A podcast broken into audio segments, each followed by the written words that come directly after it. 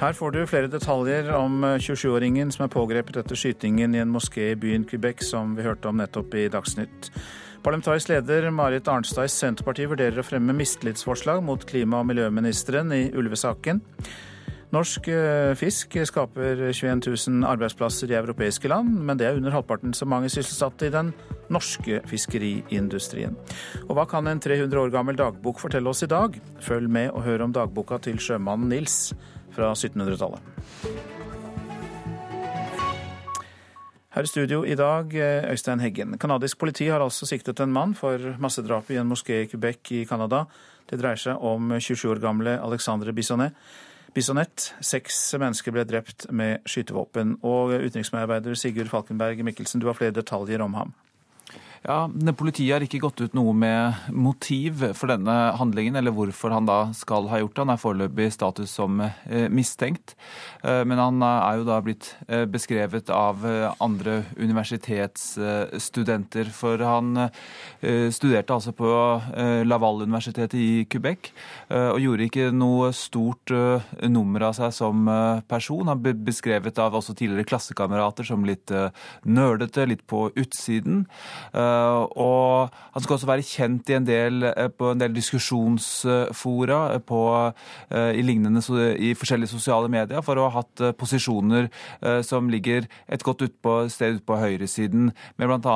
støtte til Marine Le Pen i Frankrike. Og på Facebook-siden hans så viser han et ganske sånn bredt spekter av interesser. Det går da fra støtte til Le Pen, Trump, israelske forsvaret, men til også til et separatistparti i Quebec og et mer venstrevridd eh, parti. Det er litt om hans eh, bakgrunn. Det var altså seks drepte, og dette skjedde i en moské. Vet vi noe mer om de som ble drept? Ja, Deres identitet er nå kjent. Eh, det ser ut fra navnene å dømme som de fleste kommer fra eh, enten arabiske, et opphav da, i den arabiske verden eller Vest-Afrika. Eh, de har forskjellige, forskjellige, yrker alle sammen.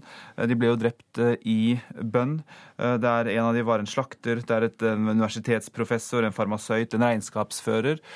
Og en av dem, da denne professoren f.eks., han var 60 år og jobbet nettopp på Laval-universitetet, hvor den mistenkte også studerte. I går så hørte vi jo i nyhetene at det var snakk om at det kunne være to mistenkte, og at uh, den andre skulle være fra Marokko. Hva har skjedd her? Dette er kanskje ikke informasjon som viser seg å være riktig? Nei, Han er nå sjekket ut av saken og har status som vitne. Det dreier seg om Mohammed Bel Khadir, eh, som da kom veldig eh, tett opp mot eh, selve massakren. Han sier selv han var sent ute til kveldsbønnen og ble da arrestert. Men han sier også at han ikke har noen, noen, noe å klage på i forhold til politiet. Han ble godt behandlet, men han var da også i et sjokk fordi han var vitne til, eller kom litt tett inn inntil denne, denne, uh, disse, disse, drapene i moskeen. Og Han sa altså at han ikke så selve gjerningsmannen, men at han, det første han så, var politiet. Det er eh, ikke så vanlig med masseskytinger i Canada, i hvert fall ikke sammenlignet med i USA. Så hvordan har canadiere og politikere reagert? Det er jo en, en, sjelden sak for eh, Quebec. Det er svært få vold, rene voldshandlinger eh, der. Bare i 2015 så var det to drap. Eh, nå har vi altså fått minst seks på én kveld. Og det har jo vært en, en, voldsom både følelsesladet og politisk reaksjon. Det har vært sørgemarkeringer mange steder i Canada, og politikerne fra, både fra selvfølgelig Quebec stat, men også nasjonalt har vært veldig tydelige her. og Statsminister Justin Trudeau deltok jo også på en sørgemarkering i Quebec i går og sa at Canada har ikke plass til denne type hat. Takk for at du orienterte oss, utenriksmedarbeider Sigurd Falkenberg Mikkelsen.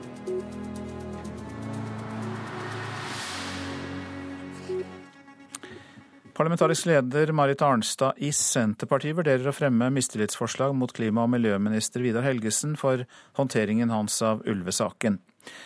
Stortingsrepresentant Gunnar Gundersen fra Hedmark Høyre er også kritisk til partifellens håndtering, men han mener man ikke skal bite hodet av statsråden.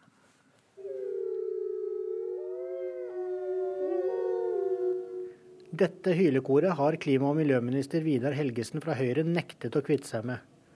Helgesen sa nei til godkjent lisensjakt på ulv i fire revirer, og reduserte dermed ulvekvoten fra 47 til 15 ulv.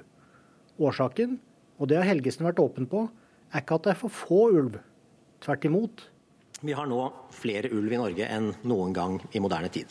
Det skaper eh, uro og bekymring både i familier og blant næringsdrivende i de aktuelle områdene. Når vi hører om ulv som kommer på trappen til folk, så er det ikke vanskelig å forstå at det kan bre seg en utrygghetsfølelse. Sa Helgesen til Stortinget da han redegjorde for saken.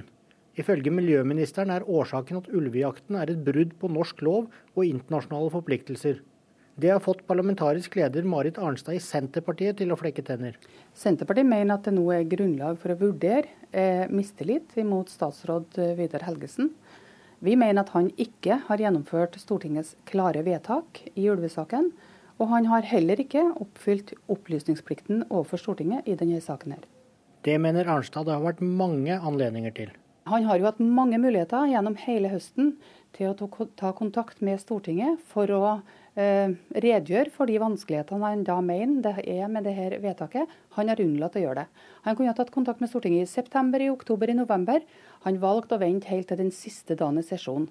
Det betyr at han har holdt informasjon tilbake fra Stortinget og forleda Stortinget. Arnstad og Senterpartiet er ikke de eneste som har vært skeptiske til miljøministerens kutt i lisensjakta. Ulvesaken har også splittet høyreflokken. Nei, Det er nok mye som har uh, gått feil. Altså, jeg mente jo at lovsporet var et, en, en, veldig sidespor den gangen det ble starta. Dette er både konvensjoner og lover med godt tolkningsrom til å håndtere Stortingets uh, forlik. Det er min grunnleggende holdning. Sier Gunnar Gundersen fra Hedmark Høyre. Han mener likevel ikke det er grunn til å bite hodet av Helgesen. Jeg tror ikke det tjener situasjonen, rett og slett. Og nå tror jeg ikke det kommer til å få andre enn Senterpartiets eh, stemmer heller. Så det blir et sånt markeringsforslag fra Senterpartiet. Det er min, eh, min oppriktige mening om det. Miljøministeren ønsker ikke å kommentere utspillet til Arnstad, mens hun holder på at opplysningsplikten er brutt. Opplysningsplikten for en regjering overfor Stortinget den er ganske fundamental. Og sånn som Helgesen har ordlagt seg i vinter, og også det faktum at han venta et halvt år før han i det hele tatt orienterte Stortinget om saken, det er et alvorlig spørsmål. Reporter David eh, Voislav eh, Krekling. Og det blir ulvedebatt i Politisk kvarter i dag, eh, i tillegg til Stortinget selvfølgelig. Til Politisk kvarter og deg, Lilla Sølesvik, kommer både Marit Arnstad og miljøvernministeren. Ja, det gjør de. Miljøvernministeren skal møte både ulvemotstandere og tilhengere i studio i dag. Akkurat nå, i morgentimene klokka halv åtte, så møtes forlikspartnerne på Stortinget og prøver å få til en ny enighet om hvordan flere ulv skal kunne tas ut i år. Det er jo Høyre og Frp da, som sitter og forhandler sammen med Arbeiderpartiet og Kristelig Folkeparti. De håper å bli enige før klokka ti, når den store ulvedebatten starter i Stortinget. Men så sitter jo da Venstre utenfor, og de vil passe på at her skal ingen lover eh, endres som gjør at flere ulv skal felles. For de mener de har en avtale med regjeringen om at f.eks. naturmangfoldsloven den skal stå som man, eh, som man gjør i dag. Så det skal bli en heftig dag for miljøminister eh, Vidar Helgesen. Men før alt starter i Stortinget, kommer de altså til oss, partene, i Politisk kvarter. Og det skal bli spennende. Klokka 7.45. Nå om eh, hvor viktig en dagbok kan være 300 år etter at den ble skrevet. Den norske sjømannen Nils Trosner dokumenterte fire år av det dramatiske 1700-tallet i sin eh, dagbok. Og du har kommet hit, historiker og pensjonert kommandørkaptein fra Forsvaret, Tor Jørgen Melien. Velkommen. Eh, du har jobbet med dette på fritiden i ti år og vært prosjektleder for arbeidet med dagboka. Og Da må du fortelle hva som er så spesielt, og hva vi kan få del i når dette blir eh, publisert. Ja, den er ikke lenger tilgjengelig for folk flest. Den er veldig slitt og befinner seg i dag i Riksarkivet. Den er gammel, den er 300 år gammel, som du sier. Og den består av både tekst og tegninger. Det er det som gjør den veldig spesiell. Det er to bind, og den, og den har omtrent 4000 tegninger ved siden av 800 sider tekst. Og dette er eh, spennende fordi det beskriver eh, kanskje veldig detaljert den tiden Nils Trossner levde i? Ja, absolutt. Det er det som er det fascinerende. Vi kan altså følge hva som foregår akkurat der og da. Vi kan følge han han står på kaien i eh, København Han overhører samtaler, han skriver ned nøyaktig hva han hører, andre sier, og han ser ting. Han forteller akkurat hvilke båter som seiler inn og ut. Han ser, ser ting som foregår på gaten, og forteller hva som foregår der. Du er jo historiker eh, og har gått inn i mangt et eh, materiale og mangt et manus eh, gjennom din tid. og Dette er da håndskrevne 800 sider dagboknotater med gotisk skrift.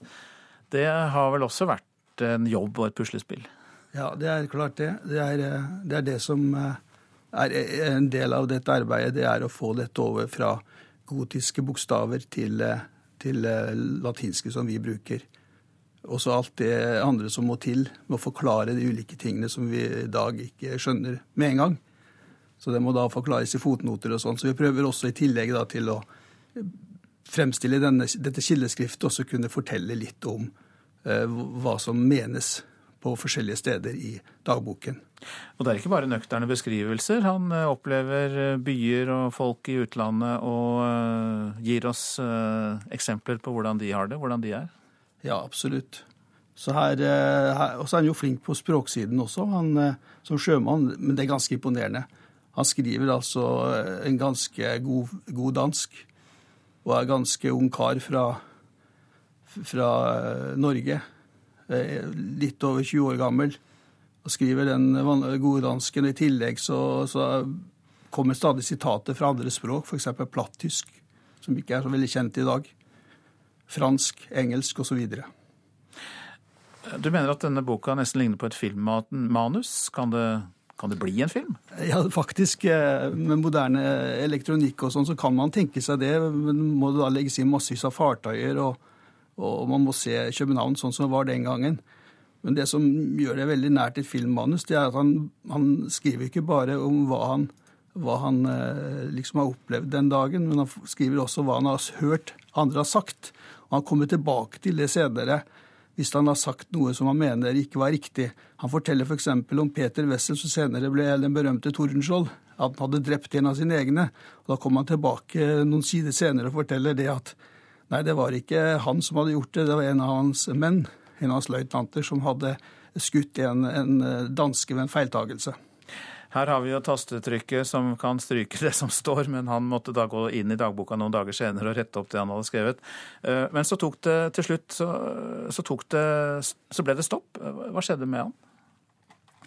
Nei, altså eh, Vi vet jo ikke hva som eh, skjedde videre, for han sluttet å skrive i januar 1714. Krigen fortsatte, og han fant ut at det var for mye arbeid. å, å skrive denne dagboken i de kummerlige forholdene som var om bord på fartøyene. Eh, men vi vet at han kom tilbake til Norge, og at han eh, stiftet familie. Og vi har etterkommere etter han fortsatt syd for Haugesund den dag i dag. Mange takk for at du kom, eh, historiker og tidligere kommandørkaptein i Forsvaret Tor Jørgen Melien. Og vi har altså hørt om sjømannen Nils Trossner Trosner, som dokumenterte fire dramatiske år på 1700-tallet, som eh, nå blir kjent for flere enn bare de som dykker ned i Riksarkivets dokumenter. Så til eh, litt mer moderne skrifter, til dagens aviser. Folk i Europa er utrygge i jobben, og, har, og folk som har lav utdanning og har utrygg jobb, er mest negative til innvandring. De er også blitt mer positive til velferd, skriver forskere ved Norges handelshøyskole i en artikkel omtalt i Klassekampen. Og det er et økonomisk rasjonelt standpunkt, sier forskere avisa har snakket med. Donald Trumps innreiseforbud skaper sterke reaksjoner, og demokrater i Senatet jobber for et forslag som kan velte presidentordren, kan vi lese i VG. Forslaget skal tvinge Trump til å etterkomme en lov fra 1965 som forbyr diskriminering mot innvandrere basert på deres nasjonalitet. Legg press på Donald Trump, sier tidligere utenriksminister fra KrF Knut Vollebekk til Dagsavisen. Han vil åpne for flere kvoteflyktninger til Norge. Innreiseforbudet er en stor personlig tragedie for syriske flyktninger som sto klare for et nytt liv i USA, sier Vollebekk. Gamle, gamle, oljeselskaper krymper, og andre ser muligheter, er oppslaget i Dagens Næringsliv. Internasjonale oppkjøpsfond satser 20 milliarder kroner på norsk sokkel. Det er internasjonal risikokapital på jakt etter meravkastning. Ordførerkamp for lokaldemokrati er oppslaget i Nasjonen. Minst 22 eh, kommuner varsler at de vil klage resultatet av politireformen inn for Justisdepartementet, og flere ordførere ber Stortinget ta opp saken. Politiet og uteseksjonen er bekymret for miljøet rundt Vaterland i Oslo, skriver Aftenposten. Miljøet er blitt tøffere og mer voldelig, viser kartlegging fra uteseksjonen. Og nestleder der kommer hit for å snakke om denne rapporten etter klokka sju. Dommen er viktig for min selvrespekt, eh, vår organisasjon og for samfunnet. Det sier en kvinnelig brannkonstabel til Adresseavisen. Hun ble befølt av eh, sin leder under en studietur til utlandet i 2015, og nå er mannen dømt til å betale et forelegg på 15 000 kroner. Han nekter straffskyld. Til et forsidebilde av en marsipankake pyntet med regnbuesymbol skriver Vårt Land at mange på kirkemøtet feiret en historisk og etterlengtet seier etter vedtaket om likekjønnet vigsel i Den norske kirke. Men i minuttene etter vedtaket var det andre på møtet som meldte seg ut av kirken. Daniel André Tande er ikke fornøyd med å være den eneste norske medaljekandidaten blant hopperne en måned før VM i Lahti.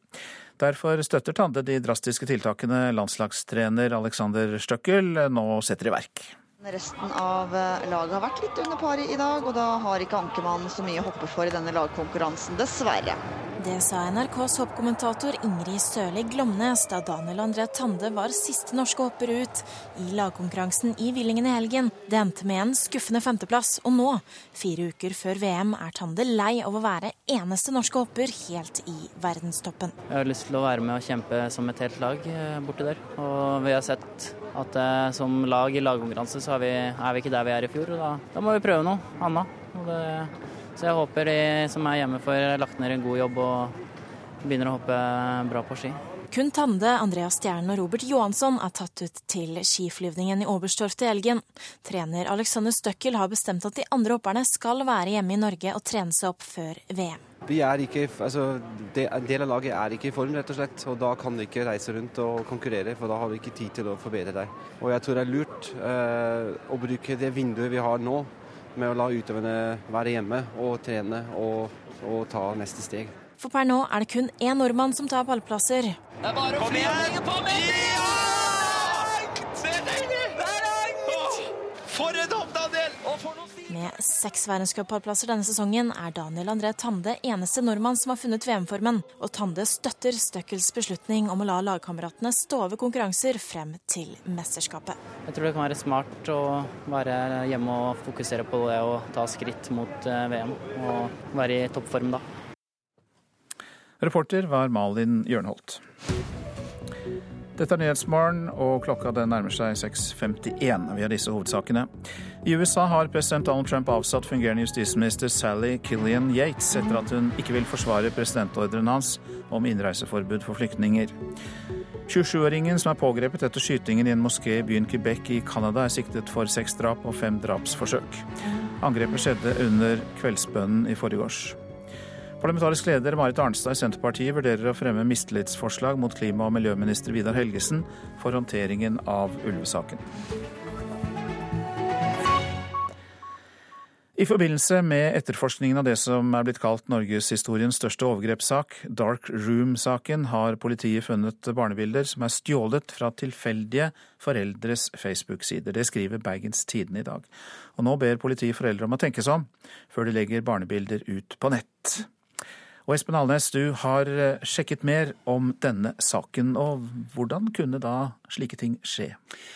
I etterforskninga har politiet trengt seg inn i det såkalte mørke nettet. Eh, der har de da funnet chatter eller nettsamtaler mellom menn, og det er i disse samtalene det har blitt utveksla bilder av eh, barn. Og nå viser det seg altså at flere av disse bildene stammer fra tilfeldige Facebook-kontoer som mennene har kommet over.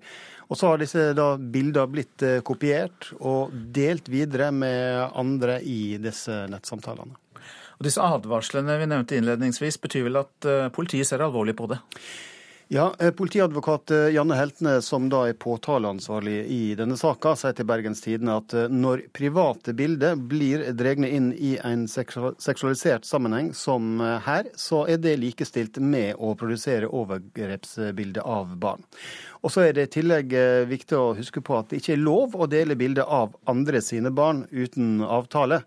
Eh, for barn som er under 15 år, så er det da foreldre eller andre foresatte som skal gi samtykke, men de som da er over 15 sjøl kan avgjøre om slikt er OK eller ikke. Så dette med samtykke blir viktig, og det er noe å tenke på. Er det noe annet eh, og noe mer foreldrene bør tenke på i denne sammenhengen? Ja, nå er det ikke slik at foreldre skal slutte å dele bilder av eh, barna sine på nett nødvendigvis. Men det politiadvokat Janne Heltene sier til Bergens Tidende, er at foreldre bør tenke på risikoen for misbruk av bilder på nett. Eh, og hun ber da foreldre særlig tenke seg godt om før de legger ut bilder der barna er lettkledde, som f.eks. Eh, bilder fra sommerferien. Og I tillegg så må alle som deler både bilder og annen informasjon på nett, tenke på hvem er det som ser den informasjonen, og hvor mange er det en deler det med. Og Da er det alltid greit å ta en ekstra tur innom personverninnstillingene, f.eks. på Facebook, og sjekke hvem du da deler informasjon med. Vi fikk med oss et godt råd der. Takk skal du ha, reporter Espen Alnes. Norsk fisk nå, for det skaper hele 21 000 arbeidsplasser, men ikke i Norge, men i europeiske land. Under halvparten er nemlig sysselsatt i den norske fiskeindustrien. Og flere fagforbund de krever at eh, så mange som mulig av disse arbeidsplassene i stedet blir etablert langs norskekysten. Men så er det fiskehandleren i Madrid da, som gjerne vil ha fersk og ubehandlet eh, norsk fisk. På fiskebutikken midt i Madrid står spanske fiskeriarbeidere på rekke og rad og gjør klar fersk norsk laks og torsk. Mens Louise plukker ben med pinsett ut av laksefileten, forteller salgssjef Javier Botana stolt at her gjøres alt manuelt. Each part of the process is manual. I denne butikken er et titalls mennesker sysselsatt med bearbeiding av norsk fisk. Totalt skaper norsk sjømat 21 000 arbeidsplasser i EU. Samtidig jobber under halvparten så mange med fisk i Norge.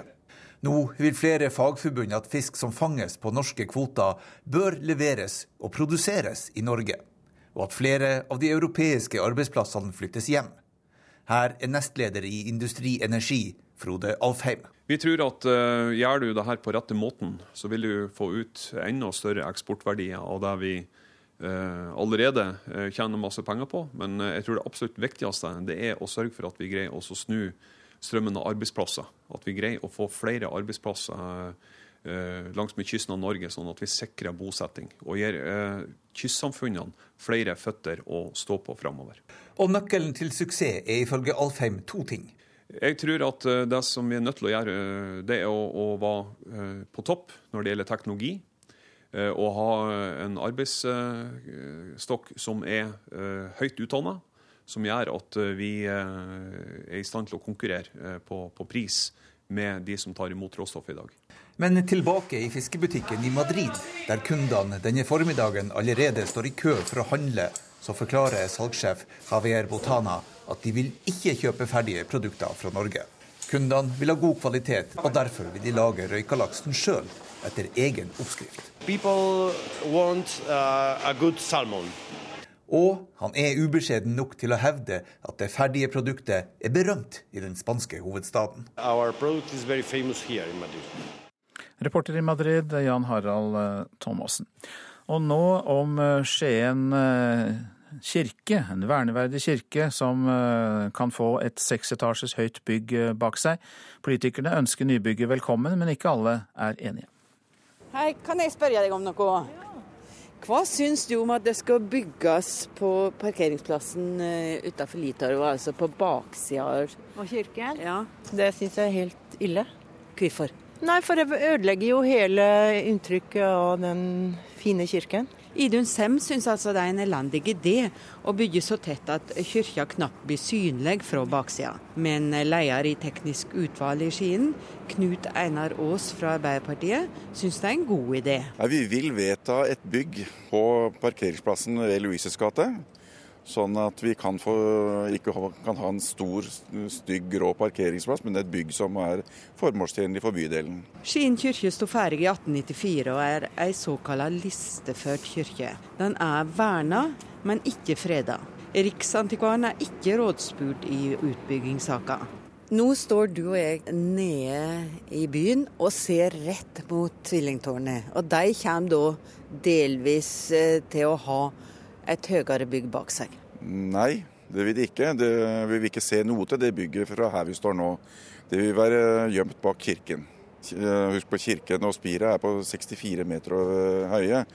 Så de er, de er, kjempehøye, og det bygget bak blir ikke så høyt. Det blir vel en, ja, i hvert fall 30 meter, kanskje noe mer, mellom kirka og dette nye bygget. Jeg har ikke målt så nøyaktig.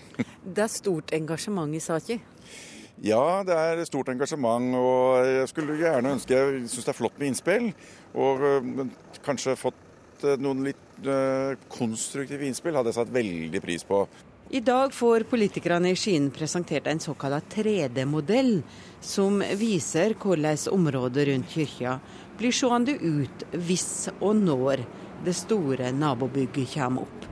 Det er mye bedre å få et inntrykk av bygget når vi kan få det i vanlig gåhøyde i gata.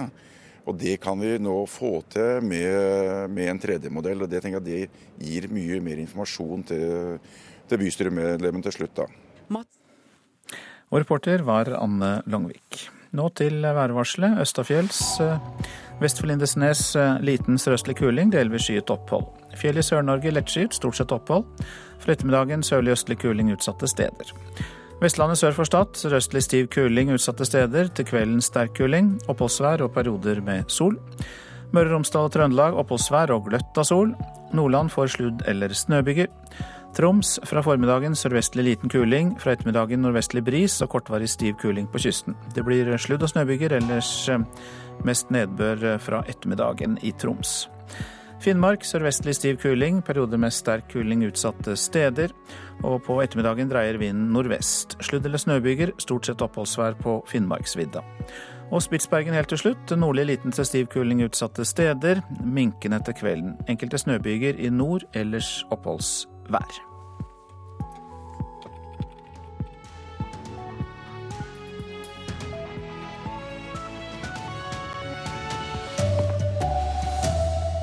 Overgripere henter tilfeldige barnebilder fra Facebook. Politiet ber foreldre om å være forsiktige. Og I Canada er en student sikta etter terrorangrepet mot en moské. Her er NRK Dagsnytt klokka sju. Foreldre bør tenke seg nøye om før de legger ut foto av ungene på nettet. Det sier Janne Ringseth Heltne, som er påtaleansvarlig i Darkroom-etterforskinga til Bergenstidene. I etterforskinga av den store overgrepssaka er det kommet fram at de mistenkte har delt og diskutert mange barnebilder som er henta fra tilfeldige profiler på Facebook. Bilder som blir delt i disse samtalene, kan være manipulerte inn i seksualiserte situasjoner. Politiadvokat Janne Heltne oppmoder derfor foreldre til å tenke seg om når det gjelder bilder der barna er lettkledde, som dømes bilder på ei strand fra sommerferien. Hun sier at det kan være langt mer enn selve bildet som blir delt med andre. Sammen med bildene kan det òg være identifiserende opplysninger som navn, adresse og alder på barnet. Politiadvokaten sier at de ønsker å gjøre foreldre merksomme på at dette skjer, og så er det opp til foreldre hva bilder de vil å legge ut. Reporter Marte Halsør. I Canada er en 27-åring sikta for seks drap og fem drapsforsøk etter angrepet mot en moské søndag kveld. Foreløpig vet vi ikke noe om motivet hans, forteller utenriksmedarbeider Sigurd Falkenberg Mikkelsen. Politiet har ikke gått ut noe med motiv for denne handlingen, eller hvorfor han da skal ha gjort det. Han er foreløpig status som eh, mistenkt. Eh, men han er jo da blitt eh, beskrevet av andre universitetsstudenter. For han studerte altså på Laval-universitetet i Quebec, og gjorde ikke noe stort nummer av seg som person. Han ble beskrevet av også tidligere klassekamerater som litt nerdete, litt på utsiden. Og han skal også være kjent en del, eh, på en del diskusjonsfora på, eh, i, lignende, i forskjellige sosiale medier for å ha hatt eh, posisjoner som ligger et godt utpå, sted ute på høyresiden, med bl.a. støtte til Marine Le Pen i Frankrike. Og på Facebook-siden hans så viser han et ganske sånn bredt spekter av interesser. Det går da fra støtte til Le Pen, Trump, israelske forsvaret, men til også til et separatistparti i Quebec og et mer venstrevridd eh, parti. I USA har president Donald Trump avsett fungerende justisminister Sally Yates fordi hun ikke vil forsvare presidentordren hans om innreiseforbud for flyktninger. Yates ble utnevnt av tidligere president Obama og skulle uansett byttes ut snart. Trump har pekt ut Jeff Sessions som ny justisminister. NRK Dagsnytt, Silje Sande.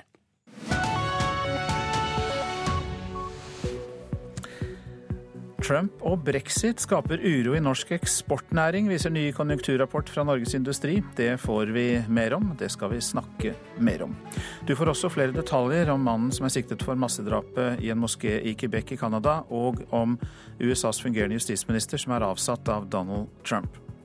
Så til eh, uteseksjonen i Oslo, som er bekymret for miljøet langs Akerselva. Det er blitt tøffere og mer voldelig, viser uteseksjonens rapport. Og norske apotek tilbyr stadig flere tjenester og tester som tidligere kun ble gjort hos lege.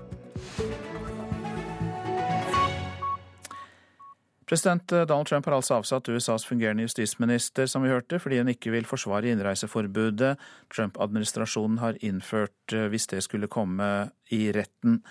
Sally Yates sier hun ikke er overbevist om at forbudet er lovlig. Eh, og presidenten mener hun har forrådt Justisdepartementet. Demonstrasjonene mot innreiseforbudet fortsatte i natt. Her utenfor Googles hovedkvarter i California, der hundrevis av ansatte ropte slagord mot president Trump. Men protesten som ble best lagt merke til, kom fra Sally Yates. Hun fungerer som justisminister i USA fram til Trumps kandidat Jeff Sessions blir godkjent. Og i går kveld ga hun ansatte i departementet ordre om ikke å forsvare Trump-administrasjonens innreiseforbud i retten, fordi hun ikke er overbevist om at det er lovlig. Det gikk bare et par timer før Det hvite hus sendte ut en pressemelding om at Yates får sparken fordi hun har forrådt sitt eget departement. She was fired because she would not enact, pursue the executive order on the belief that it was illegal, perhaps unconstitutional. It was a brave act. Yates ble sparket fordi hun viste mot, og mener presidentordren kan være grunnlovsstridig. Jeg håper presidenten har lært noe av dette, sier demokratenes minoritetsleder i Senatet, Chuck Schumer. Yates ble i sin tid utnevnt av president Obama, og det var ventet at hun ville gå av uansett, så snart Jeff Sessions er utnevnt som ny justisminister. Presidentordren fortsetter imidlertid å skape voldsomme reaksjoner, også i andre deler av statsapparatet. Mer enn 200 ansatte i Utenriksdepartementet har skrevet under på et opprop mot innreiseforbudet for mennesker fra sju land, der majoriteten av befolkningen er muslimer. Pressetalsmann i Det hvite hus, Sean Spicer, hadde denne beskjeden til dem i går. Dere får enten forholde dere til realitetene eller gå av, sa han.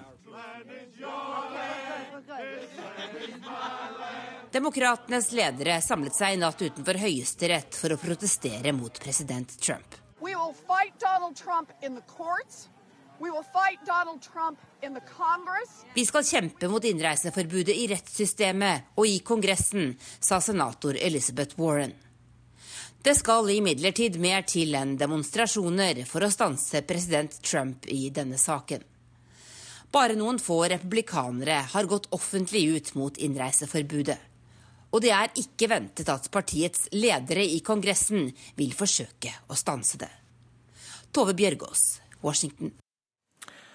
Og nå til uh, usikkerhet for norske eksportbedrifter, som er større enn på flere tiår. Det mener uh, Norsk Industri, som i dag legger fram en fersk konjunkturrapport. Amerikansk proteksjonisme og en uh, hard brexit kan skape store utfordringer for en liten og åpen økonomi som den norske. Ja, Det sier bransjedirektør Knut Sunde. Ja, for et land som Norge, som baserer seg på så mye eksport, så liker vi veldig dårlig proteksjonisme.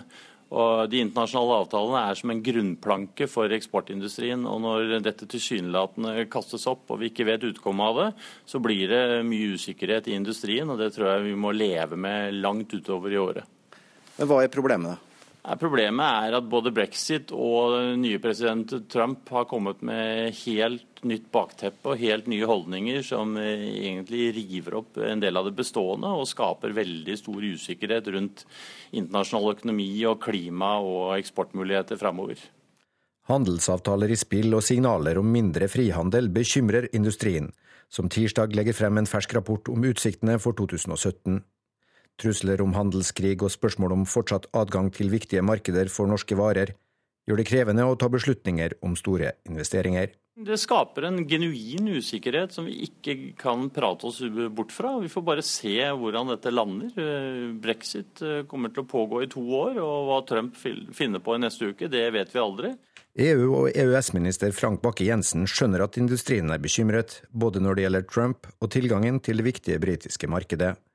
Han sier regjeringen gjør det den kan for ikke å stå på bar bakke om to år, når den britiske skilsmissen med EU trolig er et faktum. EU og Storbritannia skal forhandle om skilsmissen frem til da. Vi er invitert inn av, eh, av, EU til å følge prosessen tett for å ivareta norske interesser.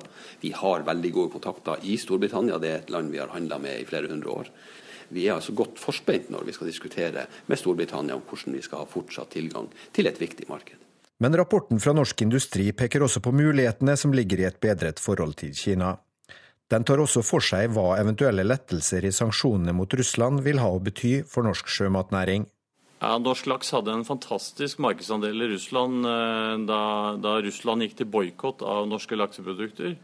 Og vi hadde også en solid markedsandel i Kina i 2010, før eh, fredsprisutdelingen. sånn at hvis de markedene kommer tilbake for norsk laks, så er det en gullgruve for oppdrettsnæringen i Norge. Men eh, har man fisk å selge da? Det ser ikke sånn ut på kort sikt, og da blir det jo en prisøkning. Og den vil nok eh, børsen og markedet ta inn over seg ganske kjapt, ja. Reporter her var Johan B. Settem. Og Øystein Dørum, sjeføkonom i NHO, velkommen til oss. Takk. Ja, USAs nyvalgte president Donald Trump preger nyhetsbildet og sosiale medier, og selvfølgelig også økonomien. Hvordan påvirker han norsk økonomi, syns du? Jo, I hele etterkrigstiden så har jo verden blitt et åpnere sted. Vi har handlet uh, mer med hverandre, og for uh, vår lille økonomi med et uh, relativt ensidig næringsgrunnlag, så har globaliseringen, den økte handelen, vært helt sentral for eh, veksten i vår velstand og vår velferd. Da, ble da 2016 et uh, viktig skille da, i, de, i, den lange tradisjonen du beskriver der? Ja, jeg har i mange sammenhenger omkalt 2016 som et, et vannskille. Altså dels fordi flertallet av befolkningen i Storbritannia sa nei til EU og dels fordi flertallet av amerikanerne eh, sa ja til Trump på et program som innebar mer proteksjonisme, mer eh, toll, mer kjøp amerikansk, mindre kjøp eh, utenlandsk. Og Norge er avhengig av å bytte det vi har mye av, bl.a. energi, med det vi har mindre, mindre av. Og Én ting er, er, at det kan bli mindre handel. altså I Storbritannias tilfelle så eh, er det det eh, vi, vi øyner. Men det er også det at vi øyner mer usikkerhet. Og usikkerhet kan gjøre at bedrifter som hadde tenkt å bygge en fabrikk, velger å utsette eller velger å bygge en mindre, eh, mindre fabrikk. Så det kan også påvirke aktiviteten i Norge, selv om jeg ikke har lyst til å svartmale dette her helt. Nei, for da sanksjonene kom fra Kina, og også Eh, sanksjonene mot Russland som førte til at eh, det ble kutt i lakseproduksjonen der, så eh, la jo ikke lakseprodusentene seg ned og skrek. De bare jobba videre og fant nye markeder. Mm. Kan ikke nettopp poenget med en liten øh, fleksibel økonomi være en fordel ved å finne nye markeder? Jo, øh, fordel og fordel. Altså, det er jo en fordel at vi kan velge på øverste hylle hvem vi vil handle med. men, men men det er klart at USAs rolle i verdensøkonomien blir stadig mindre. Andre land vokser eh, frem.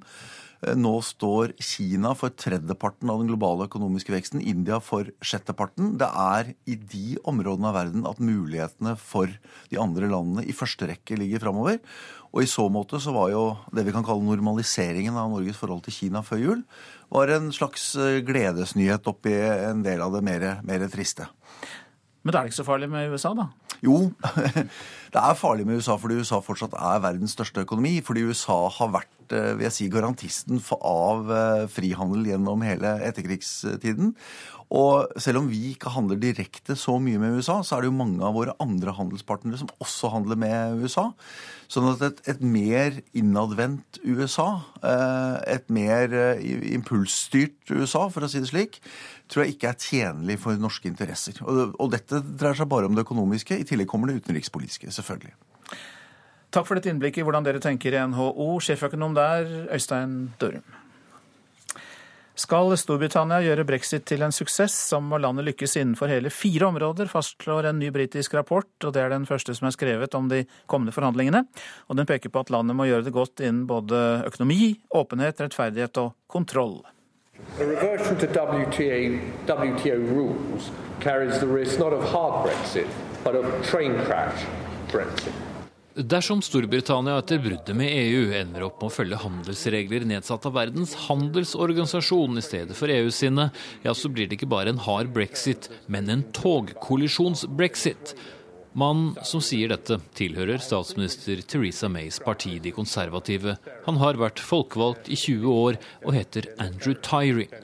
Han er urolig for hva slags handelsvirkelighet som venter landet hans etter forhandlingene er over mellom Storbritannia og EU.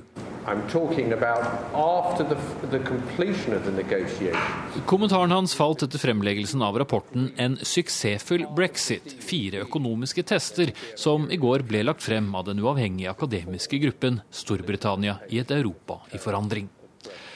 Gruppen ba akademikere vurdere fire områder der Storbritannia må gjøre det godt for at brexit skal bli nettopp en suksess. Og de endte opp med følgende. Økonomi, rettferdighet, åpenhet og kontroll. En av dem som jobbet med rapporten, er professor Ian Begg ved London School of Economics. Og jeg spurte ham hva det aller viktigste er for Storbritannia.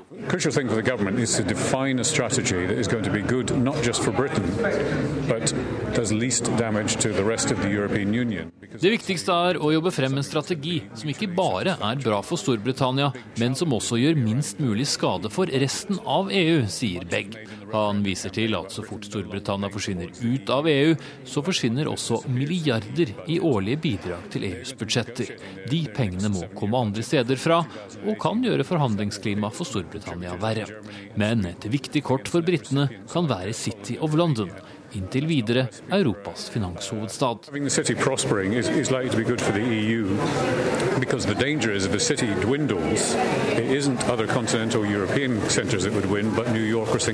Et sterkt finanssentrum i London som i dag vil være bra også for EU, sier professor Begg.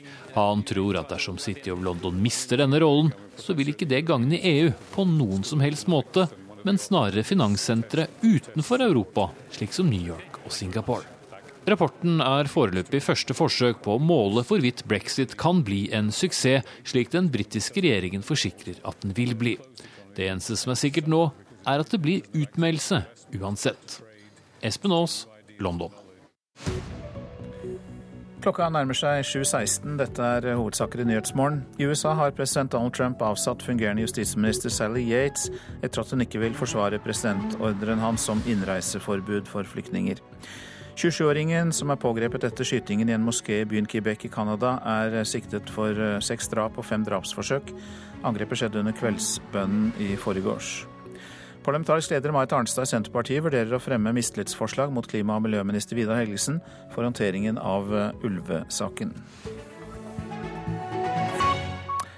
Og vi har mer om det vi nevnte, at canadisk politi har siktet en mann for massedrapet i en moské i Quebec. Det dreier seg altså om 27 år gamle Alexandre Bissonnette, eh, og Canadas statsminister Justin Trudeau sier landet ikke aksepterer den type hat. Mange steder i Canada har lys vært tent i vintermørket i natt. Sørgemarkeringer etter at seks mennesker ble skutt og drept i bønn på en moské i Quebec by. Og ingen steder var dette mer følelsesladet enn nettopp i Quebec, der hendelsen fant sted. En mann holdt et skilt der det sto at 'vi er alle fra Quebec'. En kvinne slet med å forstå. It's very difficult for me and for all the other uh, Uh.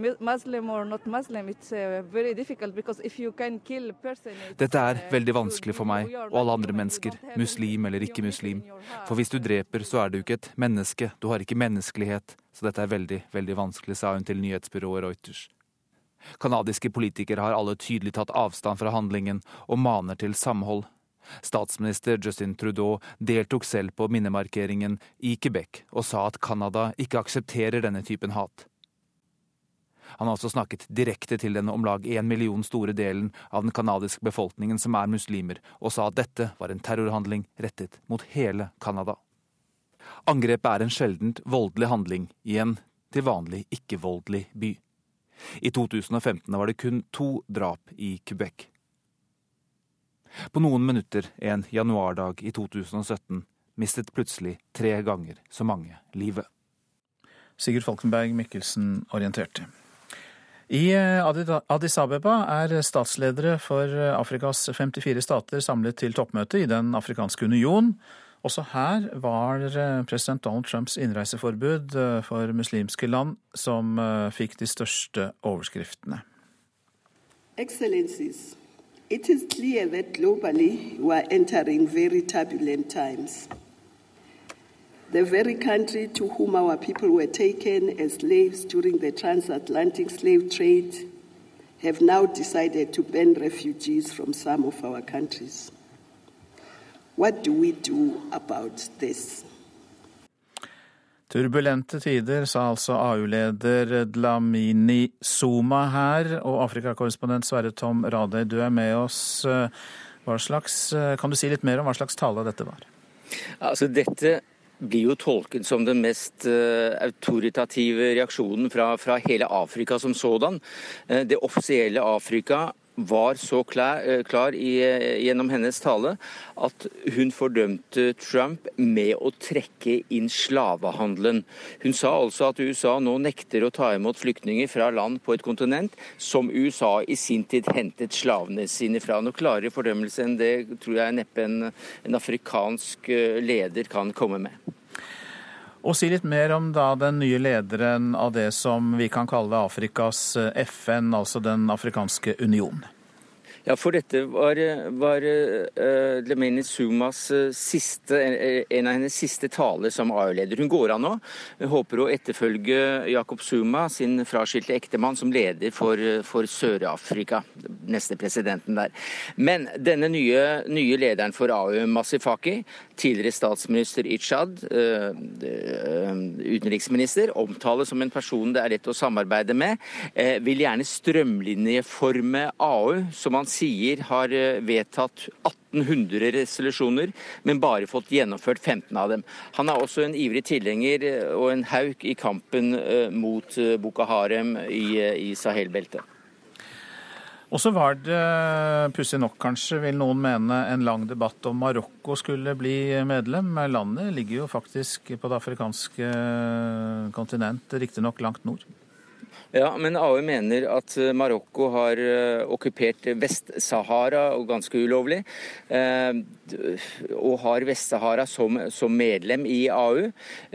Da AU bestemte seg for å holde fast ved Vest-Sahara som eget land, så trakk Marokko seg ut på 80-tallet og har siden ikke vært medlem. Men nå ønsker de å bli medlem igjen. Det var en hard kamp og, og, og dragkamper innad i AU.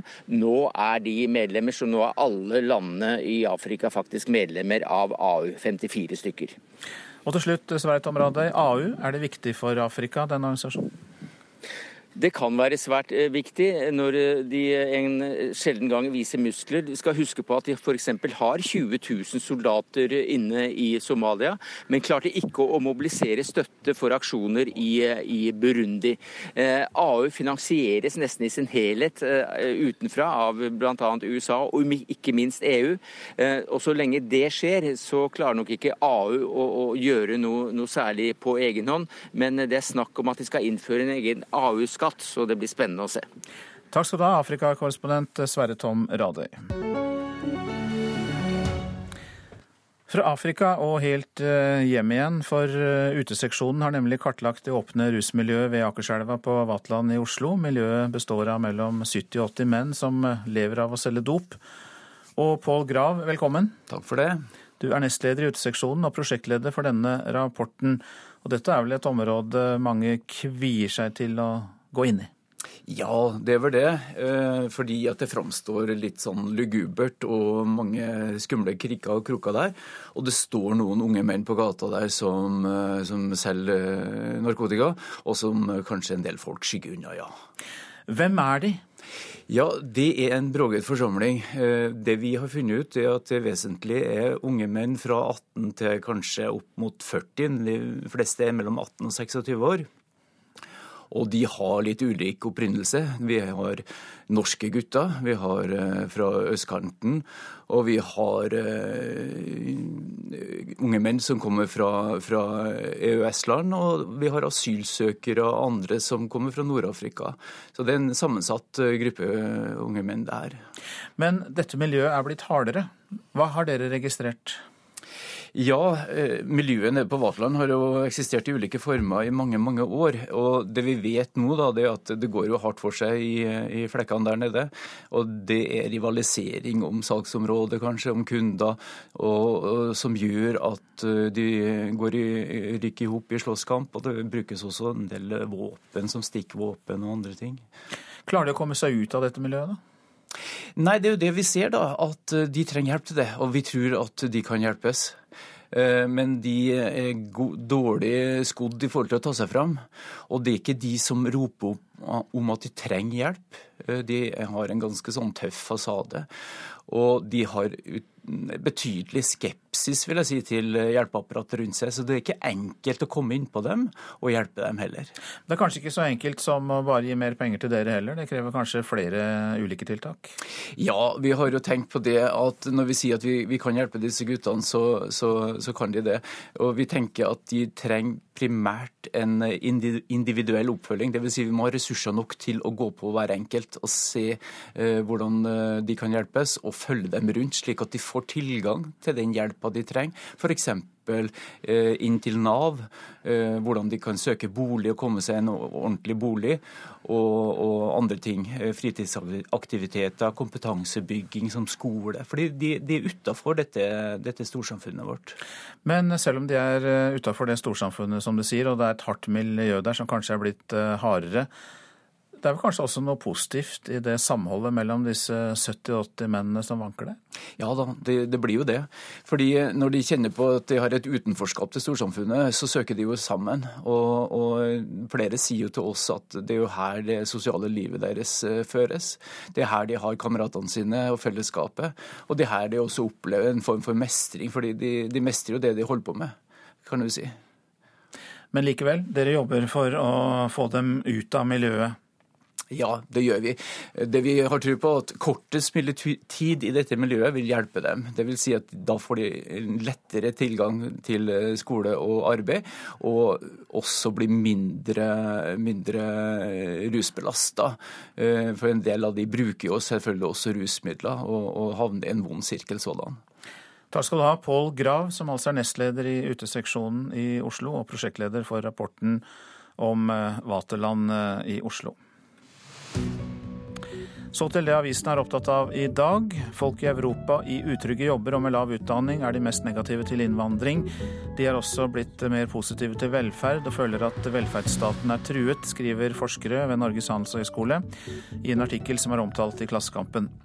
Det er et økonomisk rasjonelt standpunkt fra deres side, sier forskere avisa har snakket med. Donald Trumps innreiseforbud skaper sterke reaksjoner, og demokrater i Senatet jobber for et lovforslag som kan velte presidentordren, kan vi lese i VG. Forslaget skal tvinge Trump til å etterkomme en lov fra 1965 som forbyr diskriminering mot innvandrere basert på deres nasjonalitet. Legg press på Donald Trump, sier tidligere utenriksminister fra KrF Knut Vollebekk til Dagsavisen. Han vil åpne for flere kvoteflyktninger til Norge. Innreiseforbudet er en stor personlig tragedie for syriske flyktninger som står klare for et nytt liv i USA, sier Vollebekk. Gamle oljeselskaper krymper, andre ser muligheter. Det er oppslaget i Dagens Næringsliv. Internasjonale oppkjøpsfond satser nemlig 20 milliarder kroner på norsk sokkel, og det er internasjonal risikokapital på jakt etter meravkastning. Ordførerkamp for lokaldemokrati er oppslaget i Nasjonen. Minst 22 kommuner varsler at de vil klage resultatet av politireformen inn for Justisdepartementet. Og flere ordførere ber Stortinget ta opp saken. Dommen er viktig for min selvrespekt, for vår organisasjon og samfunnet, sier en kvinnelig brannkonstabel til Adresseavisen. Hun ble befølt av en leder, og nå er mannen dømt til å betale et forelegg på 15 000 kroner, men han nekter straffskyld. Norske apotek tilbyr stadig flere tester og tjenester som tidligere kun ble gjort hos legen. Og etterspørselen er voksende. I Hjorten apotek i Stavanger forskes det nå på om eh, det har noen eh, hensikt. Da tar vi litt på siden. Sånn. Ja, den var veldig fin. Anna Lara Steingrimsdottir stikker meg i fingeren. Hun er farmasøyt og tester langtidsblodsukker for å bestemme diabetesrisiko. Vi er jo farmasøyter. Farmasøyter i apotek har mye kunnskap, så de kan formidle mye mer til pasienter. Eller. Aslaug Johanne Risøy er doktorgradsstipendiat ved Universitetet i Bergen. Hun forsker på om dette er hensiktsmessig, og ser flere fordeler hos apotekene. Nå finnes det apotek på hvert eneste gatehjørne. Apotek har ofte lange åpningstider. Og på den måten så er det kanskje enda lettere å gå innom apoteket for å identifisere risikoen for, sin for diabetes i forhold til å bestille en legetime. Men bydelsoverlege i Stavanger, Ivar Halvorsen, mener helsevesenet er best skikka til sånne oppgaver. Det er en fordel at du ikke går og får sånn risikoting hengende rundt deg i samfunnet. Og, og noen tar ikke det så veldig godt. Altså at du, du minnes om at livet er farlig hele veien. Det er minussiden. Helseminister Bent Høie tror dette er en utvikling som ikke lar seg stoppe. Dette kommer til å utfordre fordi vi kommer også til å oppleve at veldig mye tester blir tilgjengelig veldig enkelt på gjennom apper og digitale løsninger. Sånn at pasientene kommer til å ta i bruk dette uansett. Og det tror jeg rett og slett vi bare må ta inn over oss. Og så må vi tilpasse helsetjenesten til det. Ja, nå har vi fått resultatet ditt. Og det betyr at HB1C-en din var 5,3% som er innenfor den grensen som den skal være. Så da har du ikke, da er det ikke høy risiko for å utvikle det. Og reporter her var Thomas eh, Hansen.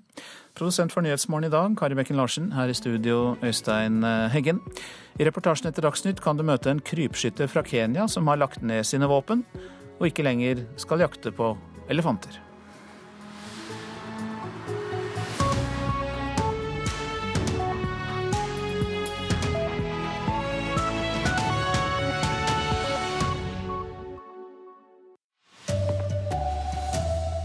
Justisministeren i USA ville ikke forsvare Trumps politikk. Nå får hun sparken. Overgripere henter tilfeldige barnebilder fra Facebook. Politiet ber foreldre om å være forsiktige. Og årets vinter er den mest snøfattige på 60 år flere steder i landet. Riktig god morgen, her er NRK Dagsnytt klokka 7.30. I USA har eh, president Donald Trump avsett fungerende justisminister Sally Yates fordi hun ikke vil forsvare presidentordren hans om innreiseforbud for flyktninger. Yates sier hun ikke er overtydd om at forbudet er lovlig, mens presidenten mener hun har forrådt Justisdepartementet. Demonstrasjonene mot innreiseforbudet fortsatte i natt. Her utenfor Googles hovedkvarter i California, der hundrevis av ansatte ropte slagord mot president Trump. Men protesten som ble best lagt merke til, kom fra Sally Yates. Hun fungerer som justisminister i USA fram til Trumps kandidat Jeff Sessions blir godkjent. Og i går kveld ga hun ansatte i departementet ordre om ikke å forsvare Trump-administrasjonens innreiseforbud i retten, fordi hun ikke er overbevist om at det er lovlig. Det gikk bare et par timer før Det hvite hus sendte ut en pressemelding om at Yates får sparken fordi hun har forrådt sitt eget departement. She was fired because she would not enact, pursue the executive order on the belief that it was illegal, perhaps unconstitutional. It was a brave act. Yates ble sparket fordi hun viste mot, og mener presidentordren kan være grunnlovsstridig. Jeg håper presidenten har lært noe av dette, sier demokratenes minoritetsleder i Senatet, Chuck Schumer. Yates ble i sin tid utnevnt av president Obama, og det var ventet at hun ville gå av uansett, så snart Jeff Sessions er utnevnt som ny justisminister. Presidentordren fortsetter imidlertid å skape voldsomme reaksjoner, også i andre deler av statsapparatet. Tove Bjørgaas, Washington. Uvissa for norske eksportbedrifter er større enn på flere tiår. Det mener Norsk Industri, som i dag legger fram en fersk konjunkturrapport. Amerikansk proteksjonisme og en hard brexit kan skape store utfordringer for en liten, åpen økonomi som den norske. Det sier bransjedirektør Knut Sunde. Problemet er at både brexit og nye president Trump har kommet med helt nytt bakteppe og helt nye holdninger som eh, egentlig river opp en del av det bestående og skaper veldig stor usikkerhet rundt internasjonal økonomi og klima og eksportmuligheter framover. Handelsavtaler i spill og signaler om mindre frihandel bekymrer industrien, som tirsdag legger frem en fersk rapport om utsiktene for 2017. Trusler om handelskrig og spørsmål om fortsatt adgang til viktige markeder for norske varer gjør det krevende å ta beslutninger om store investeringer. Det skaper en genuin usikkerhet som vi ikke kan prate oss bort fra. Vi får bare se hvordan dette lander. Brexit eh, kommer til å pågå i to år, og hva Trump finner på i neste uke, det vet vi aldri. EU- og EØS-minister Frank Bakke-Jensen skjønner at industrien er bekymret, både når det gjelder Trump og tilgangen til det viktige britiske markedet. Han sier regjeringen gjør det den kan for ikke å stå på bar bakke om to år, når den britiske skilsmissen med EU trolig er et faktum. EU og Storbritannia skal forhandle om skilsmissen frem til da. Vi er invitert inn av, eh, av, EU til å følge prosessen tett for å ivareta norske interesser. Vi har veldig gode kontakter i Storbritannia, det er et land vi har handla med i flere hundre år. Vi er altså godt forspent når vi skal diskutere med Storbritannia om hvordan vi skal ha fortsatt tilgang til et viktig marked. Reporter Johan Settem. I Canada er en 27-åring sikta for seks drap og fem drapsforsøk etter angrepet mot en moské søndag kveld. Canadas statsminister Justin Trudeau sier landet ikke aksepterer denne typen hat. Mange steder i Canada har lys vært tent i vintermørket i natt. Sørgemarkeringer etter at seks mennesker ble skutt og drept i bønn på en moské i Quebec by. Og ingen steder var dette mer følelsesladet enn nettopp i Quebec, der hendelsen fant sted. En mann holdt et skilt der det sto at 'vi er alle fra Quebec'. En kvinne slet med å forstå. It's very difficult for me and for all the other uh... Muslim, Dette er veldig vanskelig for meg og alle andre mennesker, muslim eller ikke muslim.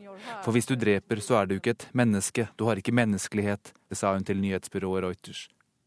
Kanadiske politikere har alle tydelig tatt avstand fra handlingen og maner til samhold. Statsminister Justin Trudeau deltok selv på minnemarkeringen i Quebec og sa at Canada ikke aksepterer denne typen hat. Angrepet er en sjeldent voldelig handling i en til vanlig ikke-voldelig by. I 2015 var det kun to drap i Quebec. Reporter Sigurd Falkenberg Mikkelsen. Foreldre bør eh, tenke seg nøye om før de legger ut foto av ungene på nettet. Det sier Janne Ringseth Heltne, som er påtaleansvarlig i Darkroom-saka til Bergenstidene. I etterforskninga av den store overgrepssaka er det kommet fram at de mistenkte har delt og diskutert mange barnebilder som er henta fra tilfeldige profiler på Facebook. Bilder som blir delt i disse samtalene, kan være manipulerte inn i seksualiserte situasjoner. Politiadvokat Janne Heltne oppmoder derfor foreldre til å tenke seg om når det gjelder bilder der barna er lettkledde, som til dømes bilder på ei strand fra sommerferien. Hun sier at det kan være langt mer enn selve bildet som blir delt med andre. Sammen med bilder kan det òg være identifiserende opplysninger som navn, adresse og alder på barnet. Politiadvokaten sier at de ønsker å gjøre foreldre merksomme på at dette skjer, og så er det opp til foreldre hva bilder de vil å legge ut. Reporter Marte Halsør. I dag skal den omstridte lisensjakta på ulv drøftes på Stortinget. Partier som står bak ulveforliket, satt i møte i hele går kveld. Og utenfor Stortinget var det protester både fra ulvevernere og motstandere. Med nå reporter Siv Sandvik fra Stortinget, hva er det som skal skje der i dag? Nei, klokka ti i dag så skal Vidar Helgesen forklare seg om eh, hvorfor han sa nei til lisensjakt på ulv i ulvesonen. Eh, nå klokka halv åtte så møttes representanter fra Høyre, Frp, KrF og Arbeiderpartiet, altså de som står bak ulveforliket, til nye forhandlinger. Det er en innspurt. De må bli ferdig eh, til 8.30, fordi da går fristen for skriftlig innlevering ut her på Stortinget. Og I går så sa FrPs representant til NRK at de ønsker å tolke naturmangfoldsloven annerledes enn i dag. Argumentet mot lisensjakt har jo vært at ulven ikke har vært direkte til skade for mennesker eller dyr. Eh, nå ligger det an til at Stortinget krever at også frykt skal være nok. Altså at Hvis ulven blir så nærgående at det skaper uro og ubehag hos lokalbefolkninga, så skal det være nok til at ulven kan skytes. Og Jeg snakka så vidt med Arbeiderpartiets Terje Aasland på vei inn til innspurten i forhandlingene her nå, så sa han at han hadde god tro på at de ble enige i dag tidlig. Hva er det som gjør dette så vanskelig? Nei, Først så lå det jo en eh, enighet til grunn i Stortinget, det som kalles ulveforliket. Og så Før eh, jul så ble det klart at uh, Lovavdelinga i Justisdepartementet mener at det strider mot naturmangfoldsloven og, og mot Bernkonvensjonen å felle så mange ulv som det var planlagt. Og Da endte det med at Stortinget følte seg overkjørt. Det førte til et enormt sinne bl.a. i Hedmark Høyre. Og nå krever Hedmark Høyre og stortingsflertallet flertallet at regjeringa finner en løsning sånn at Stortingets vilje kan bli gjennomført. Takk skal du ha, reporter Siv Sandvik. Og det blir ulvedebatt i Politisk kvarter om litt. Dit kommer både Senterpartiets Marit Arnstad og miljøministeren. Årets vinter er det mest snøfattige på 60 år flere steder i landet. Nå i slutten av januar er halve Sør-Norge fritt for snø, det skriver VG i dag. Det har vært høye temperaturer og lite nedbør, sier statsmeteorolog Kristian Gislefoss. 60 år, det, det er veldig spesielt. Det har vært veldig mye vestavær. så Det er jo mye snø i, på vestsiden av fjellene når du kommer høyt nok opp. mens... Eh, Østpå så har vi rett og slett hatt mange plussgrader. Det er, januar har vært varmere enn normalt. I tillegg så har det kommet, når det først har vært kaldt, så har det ikke kommet nedbør. De to faktorene til sammen rett og slett har gitt oss veldig lite snø. Er det håp om eh, snø i denne sesongen? Ja, jeg syns ikke vi skal gi opp håpet ennå, men uh, det ser vel ut til at vi kanskje kan få litt påfyll uh, denne uken, faktisk. I hvert fall i marka, men kanskje ikke i lavlandet. Her tror jeg man må belage seg på at det fortsatt blir mildvær og nedbør i form av regn. Reporter Marte Halsør. Ansvarlig for eh, NRK Dagsnytt denne morgenen, Bjørn Christian Jacobsen. Her i studio, Silje Sande.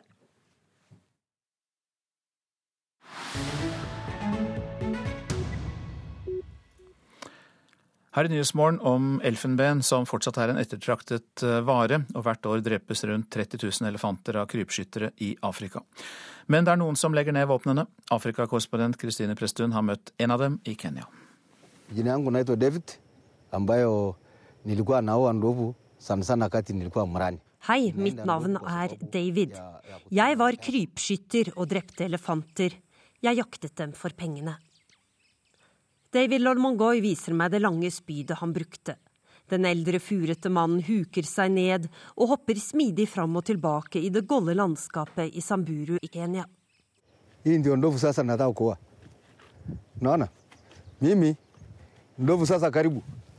Når elefanten er nærme nok, bøyer jeg meg ned og venter. Så, når det rette øyeblikket er der, kaster jeg spydet slik. Spydet suser av gårde i en lav bue før det treffer et tre med hard kraft. Det står og dirrer. Det er lett å se for seg hvordan det må ha vært når spydet hans traff en levende elefant på opptil sju tonn. Han forteller at de pleide å være fire jegere sammen som nærmet seg elefanten fra hver sin kant. Når dyret var drept, var det om å gjøre å få med seg støttennene så fort som mulig. Vi tok øksen og hakket løs støttennene, forteller den tidligere krypskytteren, mens han viser med hendene mot sine egne kinn hvordan de skar i elefantansiktet. Men nå jakter ikke David Lormongoy på det dyrebare elfenbenet lenger. En ung kvinne fikk krypskytteren til å legge ned spydet for godt. Jeg jobbet direkte med krypskytterne og fikk dem til å heve blikket. Slik at de ikke bare var opptatt av hvor mye de kunne tjene på dette. Det sier 27 år gamle Josephine Ekiro, en kvinne med et bestemt uttrykk i et rundt, mildt ansikt. Hun tar masai-pleddet tettere rundt seg, der hun sitter ved den brede, mudrete elven Ewaso Noiro, elven elefantene i området drikker fra og bader i. I fire år har Ekiro reist rundt i Samburu og møtt krypskytterne ansikt til ansikt. Hun klarte å knuse et nettverk med 19 krypskyttere bare ved å overtale dem. Flere av dem jobber nå som viltvoktere. Men det har vært et farlig oppdrag, og Ikiro ble flere ganger truet på livet. And, uh, they wanted to kill me, pointing a gun onto me. naeleza hapana fanya hii hii ndio mzuri na hii ndio mbaya Den gamle jegeren tar den unge kvinnen fra rendillestammen i hendene. Han er takknemlig. Hun lærte meg å skille mellom godt og vondt. Hun har utdannet mange av oss i dette området, sier David Lolmongoy. I det samme kommer en elefantflokk ruslende forbi i regnet på savannen. Josefine Kiro finner fram mobiltelefonen for å ta bilder. Hun vet at verdens største landdyr må reddes hvis fremtidige generasjoner skal få gleden av et slikt syn. I'm happy because my grandchildren will see and will see them one day. yeah. Og vi legger til at Kina har varslet at landet vil forby all handel med elfenben mot slutten av året. Hør ekko. Jo da, det er sikkert feil norsk å si 'når jeg var liten gutt'. Da jeg var liten gutt, heter det. Men kan du ikke heller høre etter på hva jeg sier? Slik føler nok mange det når de til stadighet rettes, gjerne avbrutt midt i setningen, av kolleger eller venner for måten de snakker på. Hvilken rolle spiller språkrakt i Norge i dag? Og kan det bli for mye? Ekko 9 11 i NRK P2. Og dette er hovedsaker i Nyhetsmorgen. I USA har president Donald Trump avsatt fungerende justisminister Sally Yates etter at hun ikke vil forsvare presidentordren om innreiseforbud for flyktninger. 27-åringen som er pågrepet etter skytingen i en moské i byen Quebec i Canada, er siktet for seks drap og fem drapsforsøk. Angrepet skjedde under kveldsbønnen i forgårs. Parlamentarisk leder Marit Arnstad i Senterpartiet vurderer å fremme mistillitsforslag mot klima- og miljøminister Vidar Helgesen for håndteringen av ulvesaken. Årets vinter er den mest snøfattige på 60 år flere steder i landet. Nå i slutten av januar er halve Sør-Norge fritt for snø, viser en oversikt fra Meteorologisk institutt. Og det er Politisk kvarter nå, ved Lilla Sølhusvik.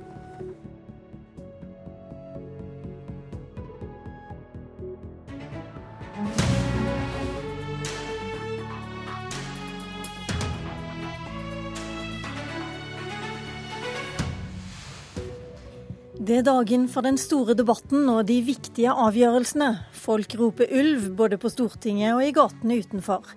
Forlikskameratene vil presse miljøvernministeren til å felle flere ulv, mens Senterpartiet vurderer mistillit uansett hva utfallet blir.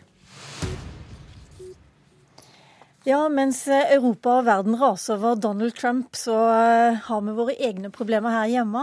For det har ikke vært eh, så mye ulv på mangfoldige år i Norge. Og nå i vinter har folk i ulvesonene vært nesten like sinna på miljøministeren som på ulven. Ta med deg ulvehyl til Vidar Helgesen, ble det sagt på demonstrasjonen som var i Oslos gater i går. Og der ble de møtt av stortingspolitikere. Erna Solberg har nå én oppgave, og hva er det? Det er å sette i gang ulvejakta. Ikke om en måned, ikke om en uke, men nå! For grensen er Grensen er Det herre er en stor dag. I morgen blir en enda større dag. For da får de se at det engasjementet alle dere har vist, det virker. Ønsk oss lykke til! De skal få viljen deres.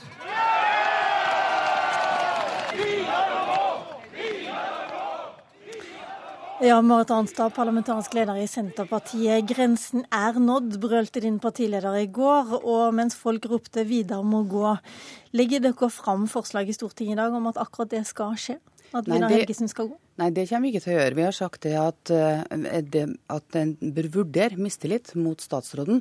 Men vi kommer ikke til å legge fram forslag om det i dag. Og hvorfor er det nødvendig å vurdere det? Jo, det er to enkle ting. Altså En statsråds viktigste oppgave det er én å gjennomføre de vedtak som Stortinget gjør, og to å overholde den uforbeholdne opplysningsplikta som enhver statsråd har overfor Stortinget.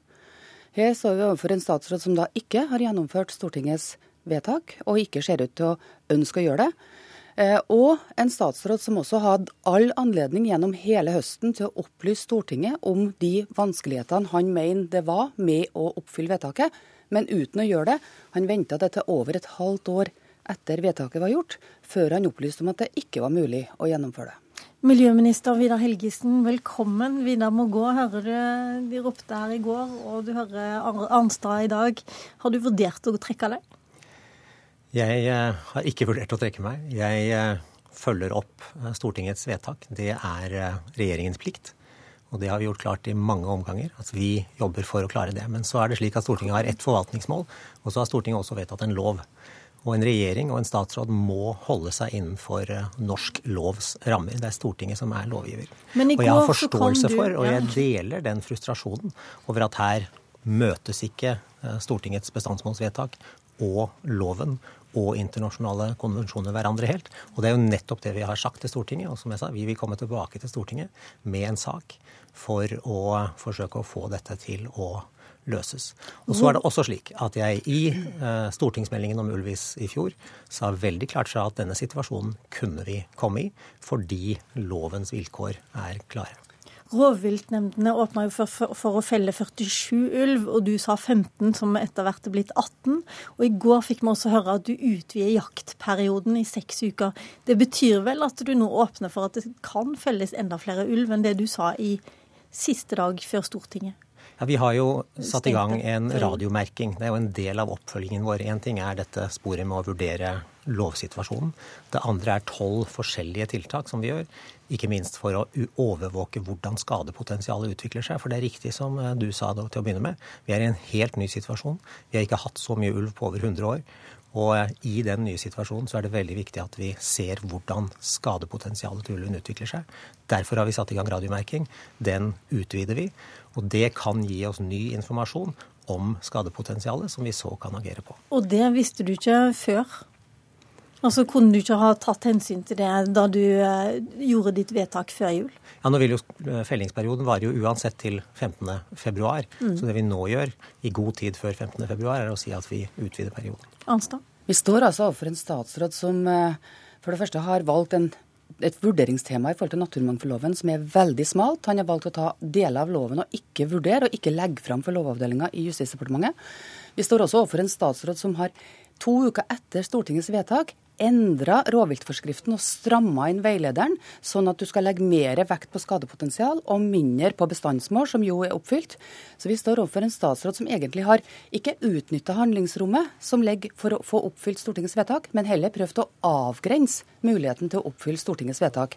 Det må det jo bli endring på, og det skal bli svært spennende å se om statsråden og eh, regjeringspartiene og eh, forlikspartiene i dag kommer til å komme fram til noen løsning, og om departementet denne gangen kommer til å være villig til å gjennomføre det Stortinget sier. Og da ga du meg et stikkord. I starten jeg hørte med også Morten Ørsal Johansen, som er FrPs mann. Han lovte jo omtrent at det skulle komme en løsning i dag. Og Harald Tom Nesvik, i dette sekund så sitter forlikspartnerne, Høyre, Frp, Arbeiderpartiet, KrF, og diskuterer en løsning. Hva kan den løsningen bli?